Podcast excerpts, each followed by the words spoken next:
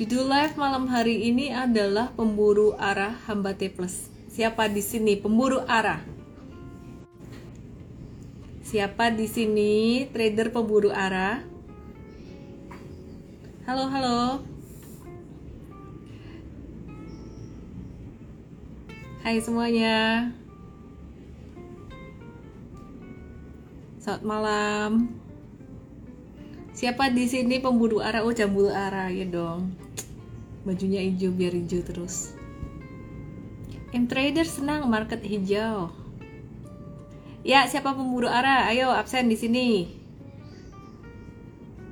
Saya pemburu arah, tulis gitu. Terus siapa di sini hamba T plus beberapa hari terakhir ini atau mungkin sebulan terakhir ini banyak saham naik, terus kemudian duitnya nggak cukup, pakai deh fasilitas T plus dari sekuritas T plus tuh fasilitas utangan dari sekuritas gitu. Terus kemudian ternyata tahu-tahu sahamnya turun. Pas buka lapak kemarin IPO sahamnya turun. Terus karena nggak punya duit buat nyetor lagi atau e, lagi sibuk kena deh for sale yang dijual saham-saham yang cuan dulu sehingga portfolionya masih merah. MLPR gak jadi arah. Saya pemburu pucuk. Saya tidak FOMO jadi tidak memburu arah. Saya pemburu arah kok saya pemburu arah tapi saya masuknya kalau bisa jangan pas arah. Uh, jangan pas udah naik di atas gitu. Jadi jarang sih masuk pas udah naik di atas. Aku mau cerita sih nanti tentang gimana sih caranya kita berburu saham ARA atau di jack atas gitu. Saya tidak mau T plus modal saya banyak. Bagus bagus. Kalau yang masih pemula sih jangan T plus lah temen-temen ya. BBB masih hold udah gain 121% bagus lah gitu. BBB Amtrade masuk Jumat kemarin masuk Jumat kemarin ya. Terus ini uh, udah tadi tadi udah mulai cuan lagi. Sekitaran 20 berapa ya? Tadi naik 24% gitu. Saya pemakai setia T plus buka besok arah oke okay, amin. Oke. Okay. pemburu arah yang nggak lebih dari dua hari AMRT kimononya api ya Tuhan ini bukan kimono. Salut dengan misalnya yang baik selalu mengedukasi investor pemula terima kasih. Sama-sama Brownies Mary aku juga seneng ditemenin juga. Contohnya buka ikutin SMBR gimana? AMRT tiba-tiba ARB Oke, aku akan update teman-teman ya gimana caranya kita lihat saham-saham yang bakalan arah. Cuma sebelumnya disclaimer dulu, apa yang aku sampaikan uh, hari ini tuh sifatnya berasal dari pengalaman gitu ya. Jadi bukan berarti kalau aku ngomong yang saham yang kayak gini kayak gini itu langsung arah itu enggak gitu. Nanti kita akan case tadi. Tapi sebelum saya ngebahas tentang uh, cara buat nyari saham arah ya aku akan update dulu tentang uh, kondisi global dan juga nasional oke okay? wes ayo ceritakan pemburu arah CEO sabar yo sabar yo ya Oke teman-teman, jadi aku mau cerita dulu tentang sentimen global dan nasional, kemudian IHSG ya teman-teman. Jadi nanti uh, abis itu baru aku akan cerita tentang saham-saham yang berpotensi untuk arah tuh gimana. Ya, jadi um, kalau kita perhatikan ya rambut berantakan ya sudahlah oil berhasil rebound setelah terpuruk selama 9 bulan terakhir gitu. Dan kenaikan dari oil ini didorong karena dolar yang udah mulai melemah selama dua hari terakhir. Terus permintaannya juga meningkat ya. Jadi e, permintaan oil meningkat sedangkan suplainya masih terdampak pengetatan akibat kasus COVID-19 ya dan maraknya varian Delta. Oke, terus sekarang kita mau lihat saham Medco gimana. Tadi sempat naik lumayan tapi kita nggak beli, Hemtrade nggak beli. Alasannya apa? Ntar aku kasih tahu. Oke, kita lihat indeks dulu sebelum kita lihat saham oil. Ya, jadi hari ini IHSG ini mantul lumayan tinggi 1,31 persen, volatile banget kemarin habis jatuh parah. Kemudian ini naik, ini jatuh karena uh, isu tapering, terus kemudian ini naik lagi. Karena karena investor ya udah mulai udah mulai ngelihat peluang untuk buy on weakness juga gitu. Uh, dan saham-saham digital hari ini kembali aktif ya.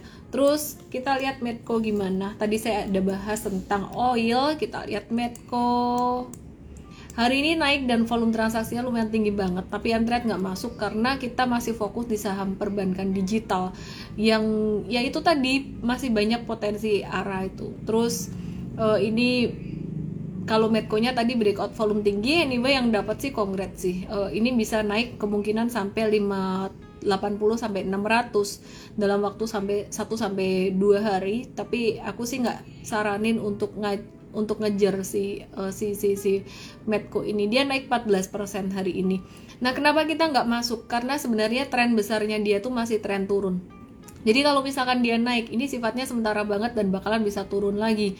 Jadi perjuangan masih panjang, masih bakalan bisa sideways buat uh, Medco ini, teman-teman ya. Jadi itu tadi karena kenaikan harga minyak. Kemudian yang berikutnya, kalau kita lihat sektor komoditi itu masih challenging banget sih, teman-teman. Uh, Oke, okay masih challenging banget ya e, karena habis downtrend lumayan gitu. Kemudian kita mau lihat lagi untuk sentimen dari global berikutnya yang ditunggu adalah FOMC meeting tanggal 26 sampai 28 Agustus. Jadi setelah keluar result eh, FOMC meeting pekan lalu, ini market masih nungguin hasil pertemuan Bank Sentral Amerika di Jackson Hole yang bakalan diadakan setahun sekali, tanggal 26 sampai 28 Agustus. Nah, ini diproyeksi hasil FOMC meetingnya bakalan sama seperti yang udah dinyatakan oleh Jerome Powell bahwa tahun ini kemungkinan besar uh, tapering itu bakal dilakukan mengingat kondisi ekonomi Amerika tuh udah mulai recover meskipun ada varian delta yang baru tercermin dari pasar tenaga kerja yang membaik, kemudian jobless claim makin turun dan inflasi juga semakin terkontrol. Oke, teman-teman, jadi kalau kita lihat tapering ini dampaknya apa? Apakah nanti tanggal 26 sampai 28 marketnya bakalan turun lagi? Kalau perkiraan saya seharusnya nggak akan turun sedalam kemarin karena market udah mulai discount uh, this news gitu. Jadi kayak mungkin pertama kali dibilang tentang tapering uh, orang-orang takut. Abis itu kedua kali ketiga kali kemungkinan mereka udah antisipasi gitu. Tapi ya ada baiknya kita uh, prepare aja teman-teman. Nanti dekat tanggal 26 kita jangan terlalu agresif juga ya kita lihat si deh nanti ya uh, marketnya gimana tanggal 25 nya gitu. Kalau banyak yang disupport ya why not? Kita masih trading. Uh, kalau misalkan udah banyak yang di resisten tanggal 25 nya kita udah mulai untuk profit taking dulu. Mungkin lebih ke 27 nya sih. Uh, sebelum sebelum keluar hasil pada tanggal 28 27 Jumat. Ya benar. Keluar hasilnya 28 itu Sabtu di sana Minggu di kita ya jadi nanti tanggal 27 kita harus udah mulai agak-agak hati-hati gitu Nah, terus dari dalam negeri ini ada sentimen positif buat bank digital, ada aturan OJK terbaru yang menguntungkan bank digital. Makanya bank digital juga e, banyak terdampak positif juga ya. OJK ini ngerilis beberapa peraturan baru yaitu e, POJK 12, 13, 14 dan yang di mana POJK 12 tuh mengatur e, modal inti tuh minimal 10 triliun untuk izin perbankan baru gitu. Intinya ini jadi jadi satu hal yang sangat bagus sekali uh, dan OJK juga meredefinisi define ulang kategori bank modal inti dari buku 1 sampai 4 itu menjadi KBMI 1 sampai 4. Artinya apa sih sebenarnya hal ini tuh bikin penurunan uh, menyebabkan penurunan tingkat peringkat perba, beberapa perba, beberapa bank dari buku 4 ya jadi KBMI 3 yaitu BNGA, PNBN dan juga BDMN gitu. Nah, bank-bank digital akan diuntungkan oleh regulasi baru ini karena apa? Peluncuran produk atau fitur bank digital ini akan semakin mudah gitu, semakin cepat terlaksana. Oke. Kemudian uh, kita akan lihat nih ya untuk bank-bank digital ya tadi judulnya pemburu arah dan juga hamba T plus ya. Kalau bicara tentang T plusnya nanti aku akan bicara tentang money management. Tapi kalau mau berburu saham arah, mindsetnya adalah sebaiknya berburu saham arah ini ketika dia belum arah. Waduh, gimana caranya? Oke, mari kita lihat saham yang fenomenal satu ini yang udah sempat naik beratus-ratus persen dan hari ini dia auto reject atas. Tada! Oke, Ini adalah saham BBYB atau Bank Newcomers dan bukan pertama kali saya ngebahas saham ini karena udah berkali-kali aku bahas di morning briefing, di Mtrade dan juga di Instagram live. Kita juga udah uh, Mtrade udah beberapa kali beli jual untuk saham ini.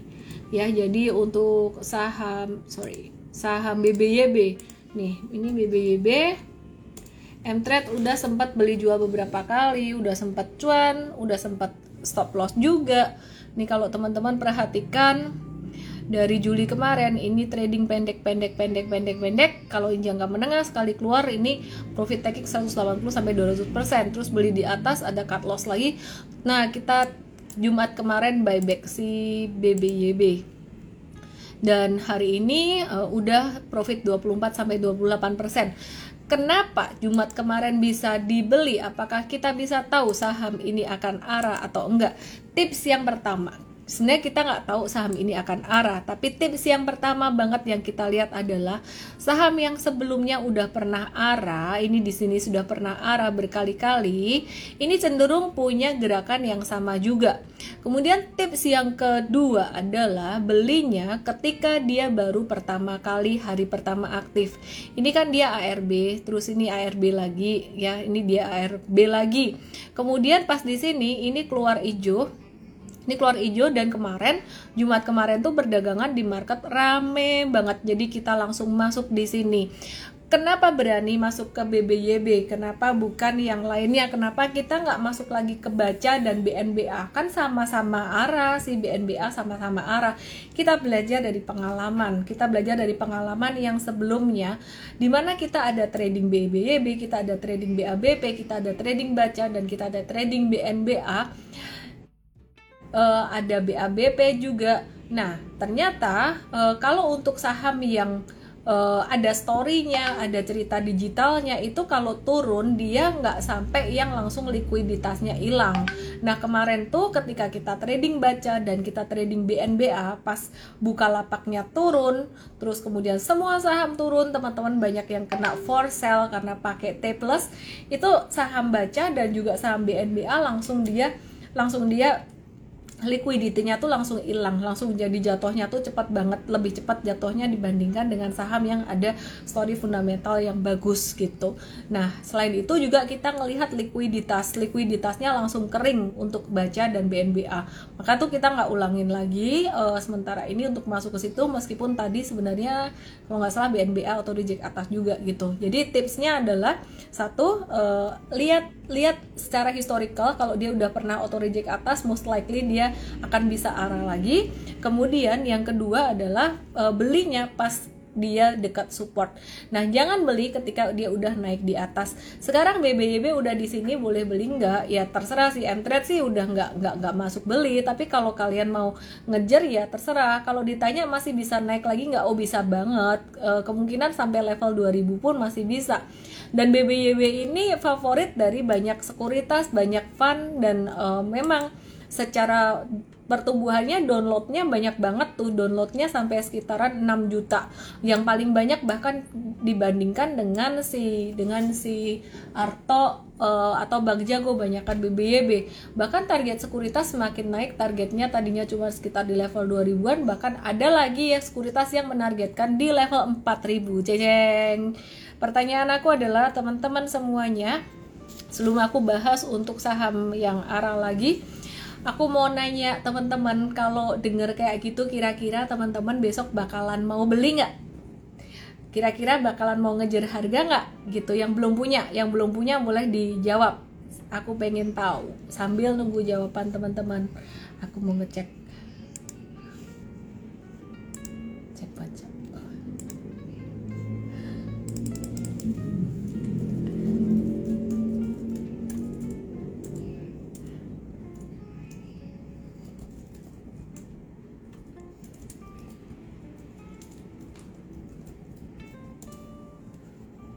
Oke.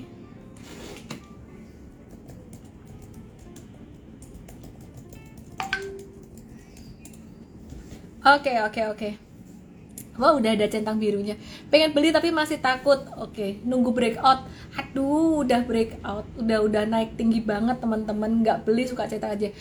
teman-teman sih kalau mau beli terserah ya aku cuma mau bilang sih BBYB ini sih masih potensial tapi uh, ya tadi udah auto reject atas saya sangat jarang beli saham yang udah auto reject atas kecuali Bukalapak.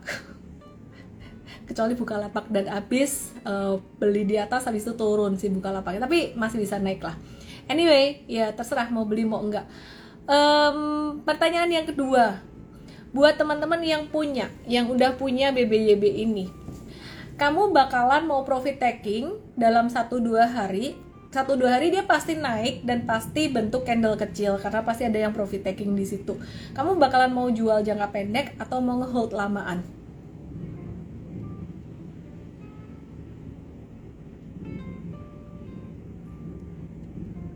Ada yang nunggu turun, tapi kalau kayak gini aku lihatnya bakalan naik lagi nih, bakalan naik lagi. Mau jual nggak? Sekarang buat yang punya mau jual nggak? Tunggu ARB lagi. Hah, jangan dong baru naik lagi ada yang hold keras. Jual jangka pendek. Udah beli Jumat lalu waktu ARB iya mau jual atau hold? Oke kalau aku ya ada yang bilang Jamie Hernomo parsial bener. Kenapa? Karena ini ada story fundamentalnya. Jadi caranya para pemburu arah teman-teman ini jangan cuman fokus jangka pendek aja. Kalau saham ini dia ada story fundamentalnya bagus menarik dan juga teman-teman dari sekuritas dari fund manager itu banyak yang suka banyak yang borong saham ini uh, dari aset management. Nah teman-teman mulai bisa consider untuk ngehold gitu. Anyway disclaimer teman-teman ya. Esa gimana? Nggak bisa naik iya nih ESA, AGI disupport tapi nggak naik-naik karena sentimennya semuanya masih di um, saham digital, bank digital gitu. Oke, terus aku mau kasih lihat perbandingan yang lainnya. MLPL tadi eh aku ke BNBA dulu ya. BNBA tadi juga auto reject atas. Wahai para pemburu arah, lihatlah saham ini. Tada! Ya, si BNBA ini arah dua kali dari uh, Jumat kemarin dan juga hari ini. Nah, tapi kita nggak masuk lagi nih saham ini. Jadi sebenarnya si BNBA ini termasuk salah satu saham yang entret sempat tradingin, tapi kita cut loss waktu itu. Kenapa? Ya karena waktu itu kita turun, eh kita cut loss atau take profit sih kayaknya cut loss deh ini si BNBA.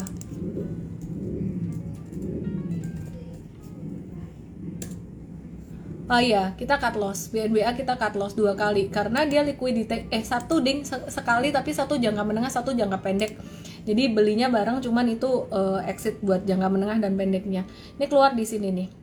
Jadi kita beli pas breakout keluar di sini. Nah, teman-teman, uh, ini sebenarnya waktu di bawah ini, ini kalau mau spekulatif buy breakout sih boleh. Sebenarnya kita main candle aja. 1, 2, 3, 4, 5, 6. Cuman masalahnya kalau saham-saham yang liquidity-nya kecil banget, meskipun kita udah buy di bawah, buy on weakness di bawah, kalau sampai sesuatu yang jelek terjadi, ya ini bisa jadi kayak ini nih aku kasih lihat contohnya saham yang auto reject atas tadinya auto reject atas terus kan ya kan ini saham KF Uh, terus kemudian dia auto reject bawah. Nah, terus teman-teman perhatikan dong di candle terakhir ini kan candle kecil nih dekat support juga nih ya. Wah, kalau gitu kita bisa dong buy on weakness. Ya. Ini nih perhatikan. Ini candle ini, candle yang terakhir nih, ini kan kayak bisa buy on weakness ya.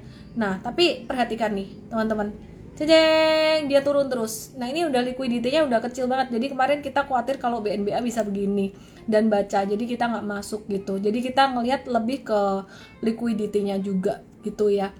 Terus uh, eh, IMJS, IMJS juga saham ARA. Itu ada dibahas juga di Mtrade sih. Mtrade ada masuk Jumat kemarin.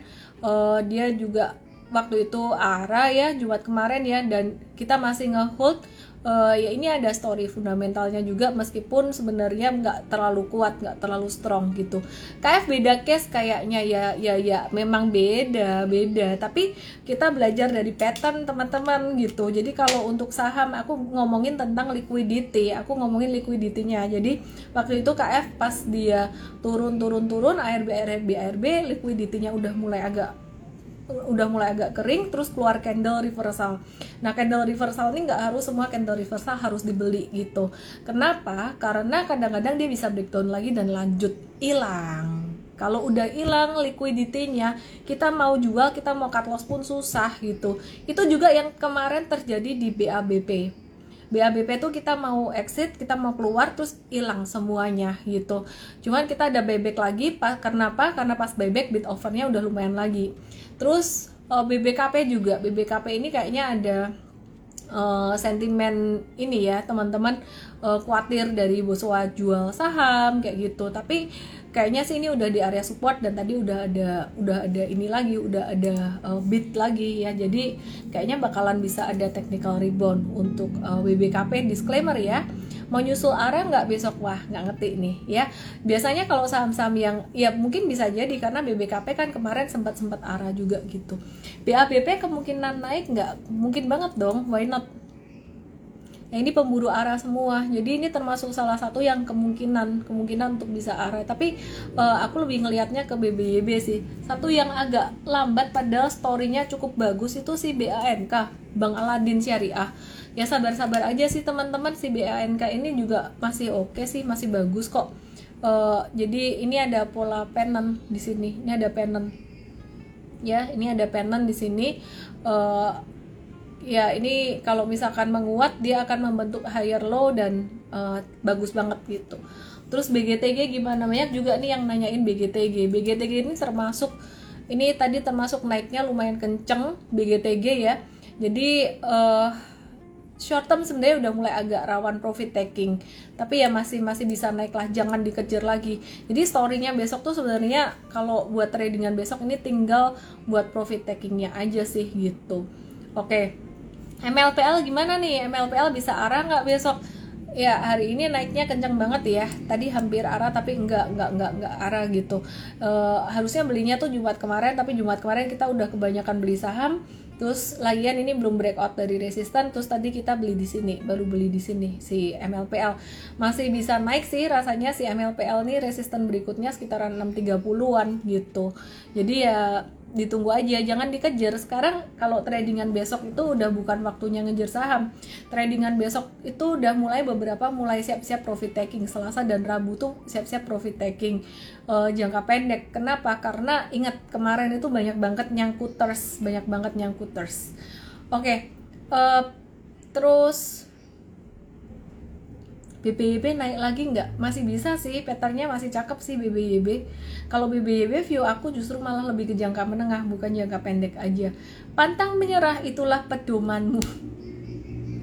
Pantang menyerah. Oke. Okay.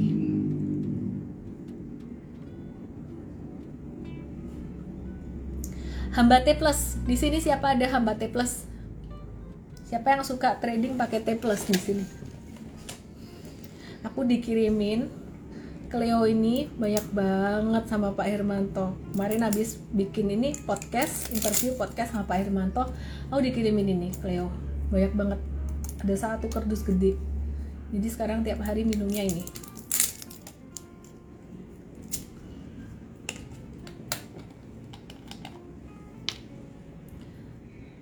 Siapa hamba T plus di sini? Ayo ngaku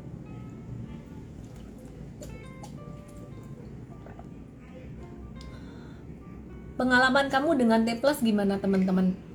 Cuan atau cuan atau gimana? Cuan atau uh, rugi? Terus kalau ye centang biru thank you. Terus kalau pas T plus uh, waktunya jualan yang kamu jual dulu tuh saham yang untung dulu atau yang rugi dulu Hamba T plus itu apa sih? T plus itu adalah fasilitas ngutang dari sekuritas, tapi kamu harus balikin dalam beberapa hari. Terus uh, antara setor duit atau antara kamu jual saham senilai utangmu itu. Terus kalau ngelewatin waktunya bisa kena suspend. Suspend nggak bisa beli saham. Atau dipaksa jual sama sekuritas gitu. Oke. okay. Ya oke. Okay. tips money management. Uh, satu kalau belum siap cut loss jangan pakai T plus itu aja. Tips yang kedua adalah kalau mau pakai fasilitas T plus pastikan kamu punya juga uang untuk nutupin itu. Karena jaga-jaga misalkan saham yang kamu punya buat T plus ini masih potensial masih bisa naik. Yang kamu beli pakai T plus masih bisa naik. Uh, terus wah kena waktunya harus jualan nih tapi dia masih belum naik tinggi dan kamu harus terpaksa jual. Itu kan sayang banget. Jadi mesti tambahin. Poin yang ketiga kapan kita mesti nambah modal atau kita harus jualan saham? Kalau misalkan udah kena waktunya T plus itu uh, kena waktunya batas jualan itu uh, kita memutuskan untuk nambah modal atau enggak tuh caranya teman-teman mesti punya batas dulu dari awal. Jadi dari awal misalkan teman-teman sudah membatasi diri, aku trading saham maksimal 100 juta. Ya berarti kalau misalkan uh, udah 100 juta jangan nambah-nambah lagi. Misalkan pertama baru setor 80. Kalau setor 80 berarti kamu masih boleh nambah 20. Tapi kalau udah 100 juta juga jangan nambah terus. Karena nanti kalau ditambah-tambah terus jadinya juga nggak nggak nggak bagus nggak sehat secara growth portfolionya nggak bagus gitu uh, T plus hitungnya hari Senin sampai Jumat atau Sabtu Minggu. Kayaknya Sabtu Minggu nggak dihitung deh hari kerja. Oke terus bingung. Ya nggak usah dipikir deh. Ya yang masih pemula nggak usah pakai T plus. Nah teman-teman perhatiin sekuritas yang uh, komisi brokernya murah itu bunga T plusnya mahal. Jadi kadang-kadang uh, teman-teman ngerasa kayak wah aku masuk sekuritas ini murah nih fee brokernya tapi hati-hati bunga T plusnya mahal gitu. Aduh nggak suka ngutang bahaya utang-utang gitu kebablasan yang ada boncos. Iya jangan. Kalau masih pemula sih sebaiknya jangan sih. Better yang udah siap dengan uh, stop loss juga gitu. Risk sama dengan reward satu garis lurus hukumnya. Ya fasilitas T plus ini membantu sebenarnya. Kalau misalkan market lagi bullish uh, terus teman-teman mau trading lebih dari itu. Cuman be very careful juga kadang-kadang bisa kebablasan gitu pegas nih pakai T plus oke okay, enggak enggak sih. Uh, komoditi sekarang masih trennya masih kurang oke. Okay. sekarang masih bank-bank digital. Sebenarnya bukan soal sahamnya ya tren harga sahamnya gitu. Nyimak aja dulu masih nggak ngerti sama sekali. Ya T plus tuh pokoknya gini loh kamu punya modal berapa kamu diutangi nama sekuritas bisa transaksi lebih dari itu. Tapi mesti balikin dalam beberapa hari. Gitu aja. Oke. Pengalaman T plus kena bunga amsyong. Uh, ya nggak juga. Kalau misalkan cuan nggak nggak nggak juga gitu. Ya uh, beli hijau jual merah ya ampun. BBKP gimana? Tadi aku udah bahas batu bara gimana. Batu bara hari ini ada yang menarik nih. Kita ngobrol-ngobrol santai aja ya. Jangan serius-serius. Jangan tegang-tegang. Batu bara hari ini mantul ya. Satu adaro nih kita beli mantul. Cuman gerakannya kayaknya nggak nggak bisa cepet banget deh uh, masih digital digitalan gitu. Terus selain batu bara juga kita ngelihat uh, tins ini juga tadi mantul. Kita ada buy di bawah sini nih. Terus pertanyaan berikutnya si Esa gimana? Esa nih kayaknya nggak bisa buat trading cepat deh. Esa nih lebih buat yang jangka menengah sabar-sabar gitu. Ini karena semuanya lagi ke bank digital jadi saham-saham yang non digital jadi slow gitu AGII juga last Friday kita ada beli hari ini nggak terlalu banyak gerakan. Kalau dia sideways kelamaan kita kayaknya bakalan bakalan keluar gitu. Terus Java hari ini uh, naik nih Javanya aktif. Gimana nih Java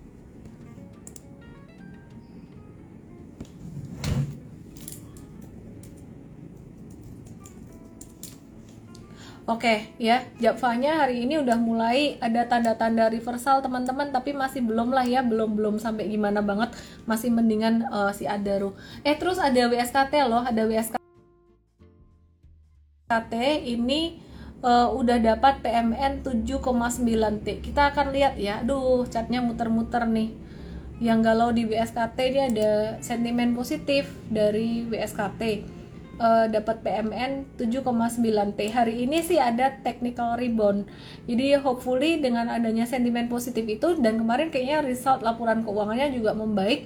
Hopefully juga WSKT ini bisa lebih baik gitu. Aku bersihin gambarnya dulu. Ya, jadi uh, resistennya untuk WSKT ini di angka 850, hopefully bisa lebih oke okay sih. Uh, pantulan ini sifatnya jangka pendek aja kalau WSKT. Jadi belum balik ke uptrendnya. Oke, okay, Imas gimana Imas? Tara tara tara tara tara muter-muter terus. Oh, hi everyone, bisa lihat saya nggak? Oke. Halo, masih bisa lihat saya nggak? Halo, halo, halo, halo. Oke, MTEK tadi kita jual sebenarnya cuma faktor teknikal aja sih buat trading aja. Kenapa? Ini dia mirip banget gerakannya sama Bukalapak gitu. Jadi Bukalapak nih kalau aku perhatiin uh, memang memang hari ini masih diborong asing ya. Asing tuh masih net buy terus. Jadi teman-teman kalau punya nyali sih beli aja nggak apa-apa. Kumpul-kumpulin di bawah nggak apa-apa gitu.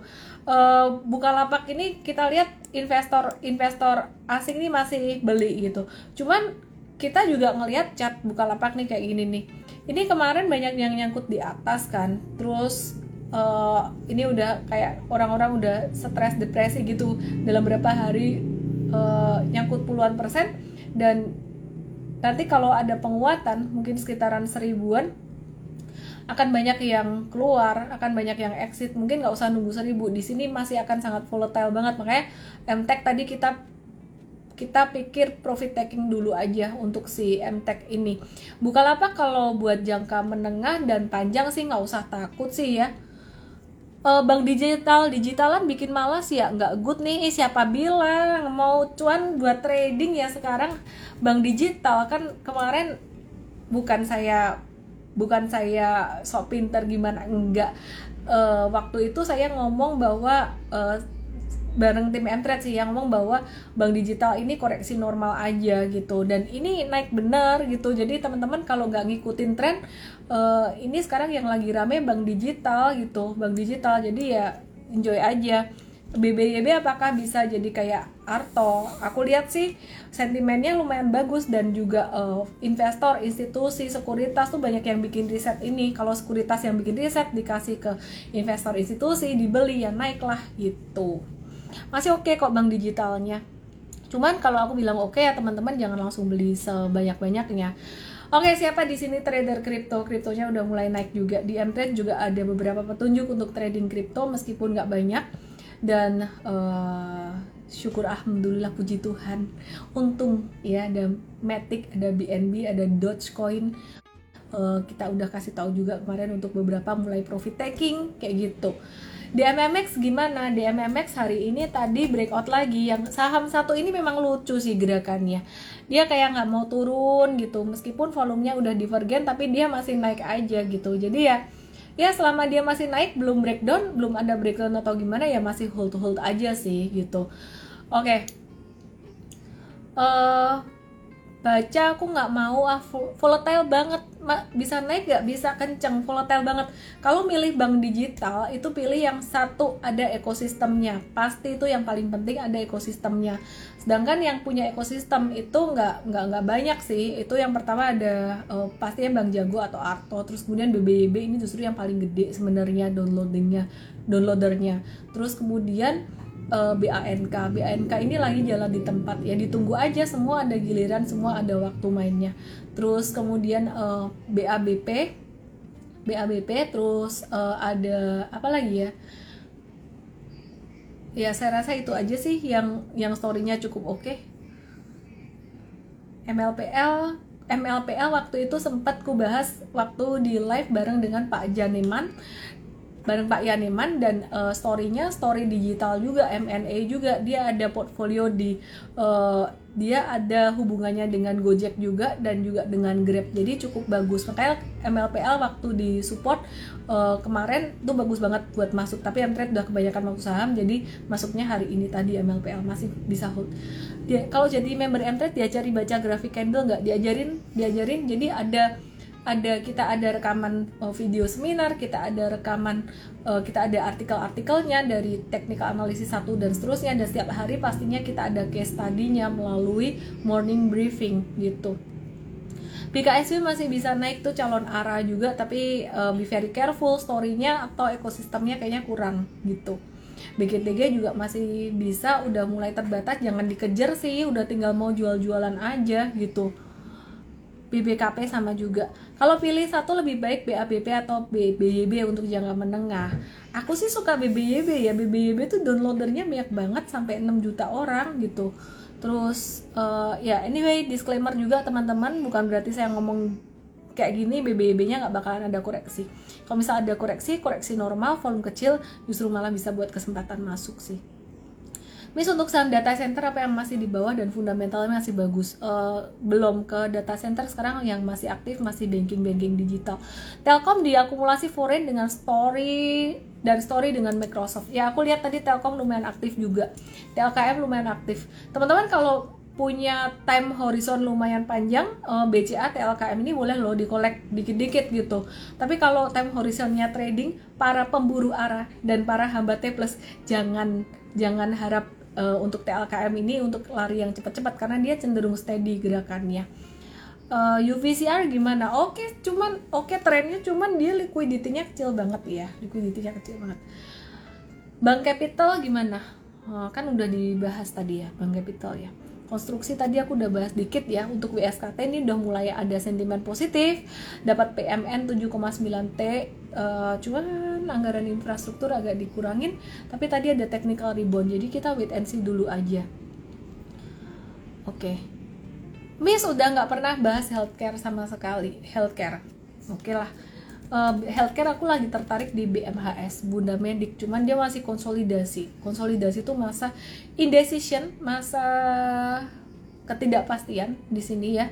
Indecision BMHS jadi ya mungkin kalau mau kolek ini beli ini ya sabar-sabar aja terus kemudian uh, Same. Same ini masih ada kaitannya dengan grup MTech juga dan ada kaitannya dengan Bukalapak juga sih. Kemarin Bukalapak turun uh, ini turun. Tapi semua saham turun juga waktu Bukalapak turun.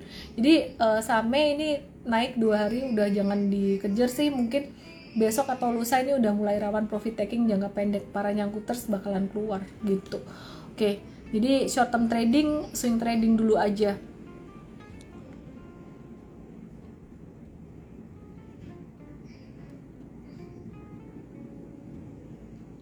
Mari ATH apa boleh masuk? Mari dan Abah ini masih akan menarik. Cuman level belinya ini udah dipucuk-pucuk banget teman-teman. Jadi kalau masuk ya masuknya kecil aja lah.